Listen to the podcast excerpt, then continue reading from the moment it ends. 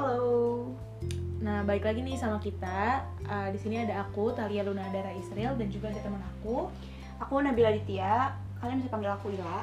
Nah, kita berdua ini tuh mahasiswi dari Universitas Pembangunan Jaya, Fakultas Humaniora dan Bisnis, program studi psikologi, dan kita dari kelas psikologi B. Nah, hari ini kita mau ngapain nih?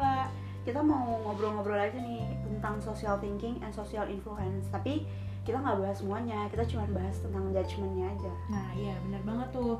Nah kita hari ini tuh uh, yang akan kita bahas ini tuh berdasarkan dari mata kuliah yang kita pelajarin di uh, program studi psikologi yaitu psikologi dalam kehidupan sehari-hari. Jadi yang akan kita bahas sekarang itu pastinya akan relate banget nih sama kehidupan kita sehari-hari.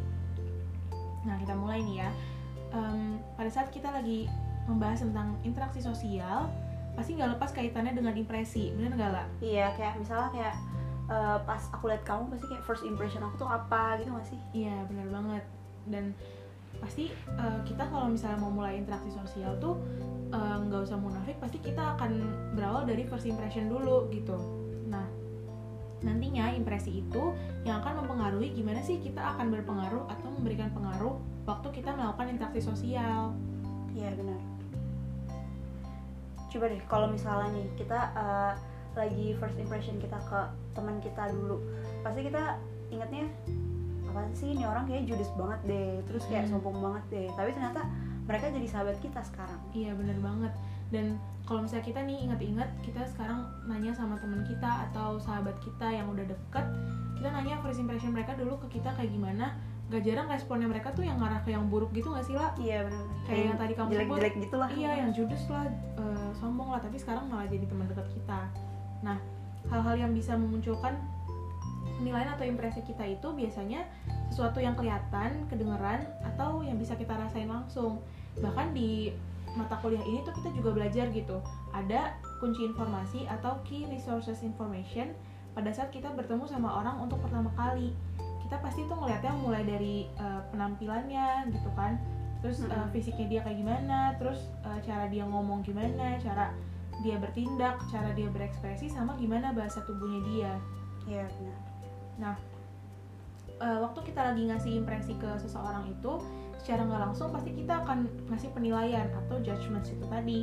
Nah, berdasarkan yang kita pelajari dalam mata kuliah psikologi dalam kehidupan sehari-hari, judgement ini bisa dibedakan menjadi dua nih lah, ada snap judgment sama systematic judgment. Kalau snap judgment tuh gimana sih lah? Nah, aku jelasin ya, kalau snap judgment itu uh, snapnya dulu itu kan snap itu kan jentikan mm-hmm. kayak petikan berarti kan kalau snap judgment dia kayak penilaian cepat gitulah terus mm. penilaiannya uh, cuman berdasarkan sedikit informasi karena ya cepet banget sekejap doang terus uh, cuman ngandelin prasangka-prasangka dia mm. terus penilaian ini juga sering salah tau kenapa tuh sering salah karena penilaian itu cuma pakai intuisi nggak ngebandingin apa yang baik terus apa yang buruk hmm. terus hasilnya jadinya nggak akurat karena kita kan nggak mendalami orang itu sebenarnya tuh dia gimana. Terus uh, kalau kita ngelakuin snap judgment tuh biasanya sama orang-orang yang jarang kita temuin sama sama orang yang baru.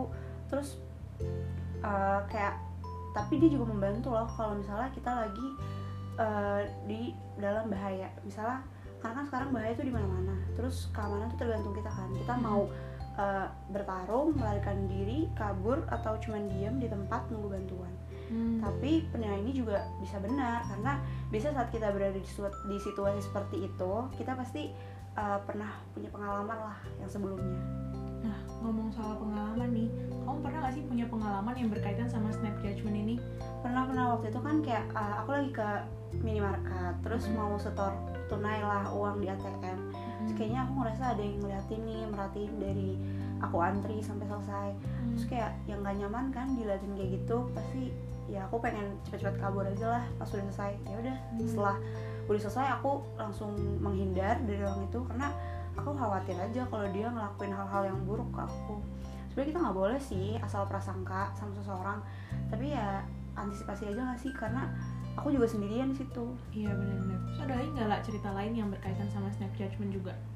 Ada waktu itu kayak uh, belum lama aku uh, lagi di mobil terus aku sama temanku berhenti di pinggir jalan mau pesan makan karena lapar hmm. terus ya kayak waktu di minimarket itu aku diliatin gitu sama orang cuman bedanya dia tuh ngintip ngintipin mobil tapi nggak nggak pergi-pergi Hmm. ya aku takut lah mana sama-sama cewek terus berdua doang Mm-mm. ya udah karena aku takut aku ajak temanku mending kita pergi aja deh cari tempat lain gitu Hmm, iya sih kalau misalnya aku jadi kamu juga pasti aku akan menghindar dari orang itu sih ke tempat lain. Terus kita juga nggak bisa nggak sih menghindari diri kita dari em, perasaan atau kayak menilai seseorang dengan cepat gitu? Iya nggak bisa sih susah. Soal tapi kita bisa eh, ngurangin lah seenggaknya buat kita nggak langsung ngasih penilaian cepat gitu terhadap situasi atau seseorang. Kayak Hmm. kita harus ngembangin mindset kita kita eh, jangan terlalu cepat lah nangkep informasi situasi apalagi sifat seseorang. Tapi kan kalau misalnya kita mau berteman cari pacar atau misalnya kayak perusahaan nih mau rekrut karyawan pasti nggak sembarang pilih orang dong Nah iya kalau misalnya yang kayak gitu tuh cari teman, cari pacar atau misalnya karyawan yang direkrut sama perusahaan itu tuh beda lagi lah. Itu namanya systematic judgments. Nah systematic judgment itu penilaian yang dilakukan secara lebih teliti berdasarkan informasi yang lebih daripada snap. Nah kebanyakan orang tuh lebih memilih untuk melakukan systematic judgment ini daripada snap. Untuk ngelakuin systematic judgment ini tuh diperluin waktu yang lebih panjang karena kita perlu untuk kontrol uh, dan proses untuk konfirmasi apakah informasi yang kita terima itu udah akurat atau belum. Nah, biasanya kita melakukan systematic judgment ini nih kepada orang-orang yang nantinya akan mempengaruhi kebahagiaan kita, kayak yang tadi udah disebut. Kayak kalau misalnya kita nyari teman atau nyari pacar, pasti kan kita mau uh, berusaha untuk menggali lebih dalam kan tentang orang tersebut. iya benar Nah, kita akan bandingin juga orang itu tuh uh, dalam situa- satu situasi mereka tuh akan bertindak kayak gimana gitu. Dan dengan melakukan systematic judgment ini, nantinya hubungan kita tuh bisa terbantu untuk menjadi bertahan lebih lama. kalau kamu ada nggak sih tau kayak cerita yang relate gitu sama systematic judgment Hmm, ada sih, cuma emang bukan akunya yang lakuin systematic judgment, tapi uh, waktu itu kan waktu pas awal kita jadi mahasiswa di UPJ, itu sempat ada penawaran untuk ikut uh, jadi student ambassador. oh ya aku ikut tahu itu itu waktu itu kan kita kan dipanggil untuk uh, interview kan ke kampus. iya iya benar Nah, proses mereka menginterview itu, itu tuh mereka lagi melakukan systematic judgment. Kayak mereka kan em, mau tahu kan informasi yang lebih dalam tentang kita gitu. Mereka nanyain banyak pertanyaan-pertanyaan ke kita untuk tahu sebenarnya kita tuh kayak gimana gitu. Dan mereka tuh nggak nggak melihat eh, diri kita cuma dari informasi yang eh, sekejap aja gitu kayak bukan snap judgment doang gitu kan. Kan kita kan juga sempet ajuin CV tuh kan iya benar Nah, CV itu kan isinya cuma informasi-informasi yang umum doang gitu, cuma tentang ya nama kita, terus kayak kita lahirnya kapan, terus kayak riwayat riwayat, pendidikan ya bener riwayat pendidikan kita, terus kayak organisasi yang pernah kita ikutin, cuma kayak gitu doang kan.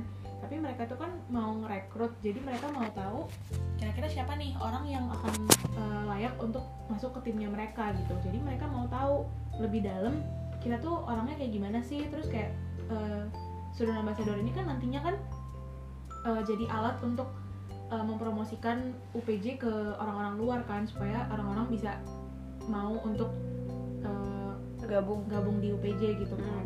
Nah pastinya mereka eh, akan melihat tuh gimana sih caranya kita komunikasi, gimana sih caranya kita bisa nggak melalui kata-katanya kita atau omongannya kita tuh mempersuasi orang gitu, me- mengajak orang untuk eh, percaya eh untuk eh, setuju sama omongannya kita gitu. iya benar Nah proses itu mereka tuh lagi uh, melakukan systematic judgment karena mereka benar-benar menggali lebih dalam gitu.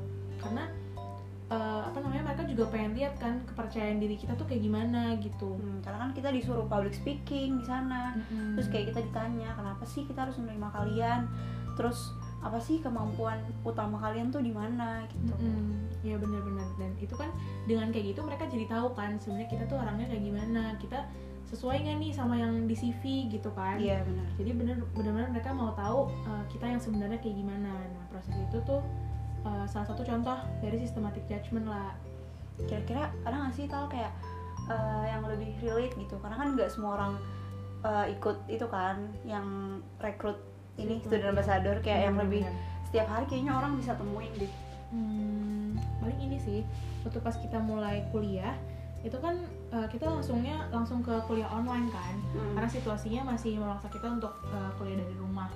Nah tapi kalau misalnya kita dengar dari kakak-kakak tingkat kita, dari orang-orang yang udah kuliah, em, pertemanan itu tuh penting banget gitu di masa kuliah. Karena kita perlu banget temen untuk diskusi temen buat nge- ngerjain tugas bareng atau sekedar temen buat cerita aja gitu loh.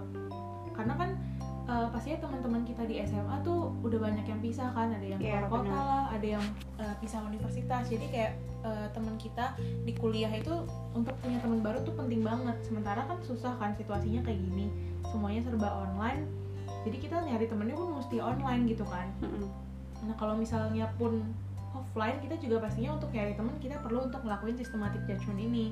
Cuma karena ini online ya kita semuanya ya online gitu kan. Mm-mm. Kayak caranya kalau misalnya yang systematic judgment uh, di online gini kita ngelihat uh, gimana sih teman kelas kita ini merespon kalau misalnya ada informasi yang uh, ditaruh di grup atau misalnya gimana sih cara dia bicara sama dosen, gimana sih caranya dia um, ngerjain tugas gitu-gitu. Dan juga kita ngelihat uh, sosial medianya dia gitu kan uh, pertemanannya dia tuh pas di SMA tuh kayak gimana terus uh, ya gaya hidupnya dia kayak gimana kira-kira bakal match nggak sih sama kita? Bakal fit Iya, nggak sih? benar. gitu. Karena kan kita pastinya mau nyari temen yang bisa nyambung sama kita kan gitu. Mm-mm. kita uh, mulai observasi tuh di situ kita nyari uh, kira-kira yang cocok tuh kayak gimana. Nah dengan kayak gitu kita tuh nggak cuma ngeliatin um, informasi-informasi yang umum aja gitu kan. Kita nggak cuma ngeliat atau ngejudge cuma dari typingnya dia atau cuma kayak dari profile picture-nya dia. Tapi kita benar-benar mau cari tahu informasi yang lebih dalam tentang orang-orang itu siapa sih yang kira-kira cocok untuk jadi temennya kita gitu. Benar benar banget setuju sih. Kayak uh, aku ada juga sih cerita. Uh, sebenarnya bukan ceritaku cuman temanku sempat curhat waktu itu karena dia juga sama-sama kayak maba juga kayak kita. Terus Mm-mm. uh, dia ngerasa dia sulit lah buat berteman yang sekarang di kuliah. Mm. karena uh, ya namanya kita pindah situasi baru beda lah pertemanannya kan. Terus Bener. dia ngerasa dia nggak fit aja sama orang-orangnya cara bercandanya cara ngobrolnya. Terus eh, karena dia udah ketemu sama mereka terus udah pernah diajak juga ke rumahnya dia ngerasa kok nggak nyambung sih bercandanya kok Hmm. nggak seru sih? Menurut dia tuh nggak seru. Cuman kayak itu gara-gara dia cuman sampai di snap nggak sih tau Oh iya benar-benar. Nah makanya itu dia sih makanya dibilang kalau misalnya untuk kita untuk nyari temen ya kita pergunain si systematic judgment ini. Karena kalau misalnya kita cuma snap doang berarti kita kan cuma ngejudge dari yang kelihatan dari luar doang gitu kan. Kita nggak akan pernah tahu sebenarnya orang itu tuh cocok nggak sih sama kita. Kalau misalnya kita berhenti cuma di snap judgment doang ya kita akan selalu ngelihatnya kalau orang lain tuh nggak cocok sama kita gitu loh karena Iya, kita ngelihatnya ya udah dari luarnya aja gitu. Kita nggak mau berusaha untuk tahu orang itu lebih dalam gitu. Makanya penting banget kalau misalnya untuk nyari kayak yang tadi aku bilang tuh kalau misalnya nyari temen atau ya orang-orang yang nantinya akan mempengaruhi hidup kita gitu. Apalagi kalau yang tadi aku bilang juga pertemanan di kuliah tuh penting banget kan. Apalagi ngerjain tugas gitu-gitu teman diskusi. Eh, perlu banget kita untuk ngelakuin systematic judgment ini supaya kita dapat temen yang benar-benar eh, bisa cocok sama kita gitu. Iya benar sih. Aku setuju banget sih. Eh, menurut aku sih kesimpulannya kalau misalnya yang dari snap itu snap kan ya nilai cepat. Sebenarnya dua-duanya kita butuh sih dalam kehidupan sehari-hari. Cuman ada situasi tertentu yang kita nggak bisa cuma sampai di snap. Kita harus sampai di sistematik. Tapi kayak kalau kita lagi bahaya nah kita butuh tuh snap snap kayak gitu. Karena ya masa lagi bahaya kita sampai sistematik. Keburu dia apain kan Iya, maksudnya. kalau snap kan cuman ya wah kayaknya nggak enak nih kayaknya nggak enak nih. Nah kabur gitu lah kalau sistematik kan kita cara kita kenal orang gimana sih kita pelajarin lah orang itu kayak apa. Nggak cuma orang sih situasi juga Iya benar banget. Berarti gini gak sih? Sebenarnya snap sama sistematik tuh nggak bisa dinilai yang mana yang kayak snap tuh berarti nggak nggak baik gitu nggak bisa Iya. kayak gitu nggak sih? Berarti Ah, ya dua-duanya ini sama-sama baik adanya tapi eh, gimana kita menempatkannya aja gimana kita eh, gunain gunain snap judgment tuh dalam situasi yang kayak gimana sih? Terus kayak untuk sistematik tuh kita pakai untuk nyari orang-orang yang kayak gimana sih gitu. kayak misalnya kita lagi di posisi kayak gini kira-kira apa ya pakai sistematik atau snap ya karena Hmm. kalau kita salah ya ya udah persepsi kita bakal salah aja terus ke iya kalau saran dari kamu tuh gimana tau Hmm, kalau ada saran dari aku sih ya intinya jangan stop sampai di snap judgment aja sih karena kayak mungkin em, teman-teman juga ada yang sama kayak temennya Ila tadi tuh yang Hmm. sulit untuk nyari temen yang cocok, sulit untuk nyari temen yang sefrekuensi. Nah mungkin bisa coba untuk introspeksi diri. Sebenarnya selama ini uh, kalian tuh mungkin cuma berhenti sampai di snap judgment aja. Makanya nggak per- nggak pernah ketemu temen yang uh, Fit. cocok gitu yang Hmm. fit. Kayak uh, karena kalau untuk dapetin temen yang maksudnya kita untuk tahu kira-kira temen kita ini bakal cocok atau enggak sama kita ya kita perlu untuk uh, ngelakuin systematic judgment kita benar-benar uh, nggak cuma berdasarkan informasi-informasi yang kita yang kelihatan aja gitu loh. Tapi iya kita benar. benar-benar harus uh, teliti lebih dalam gitu.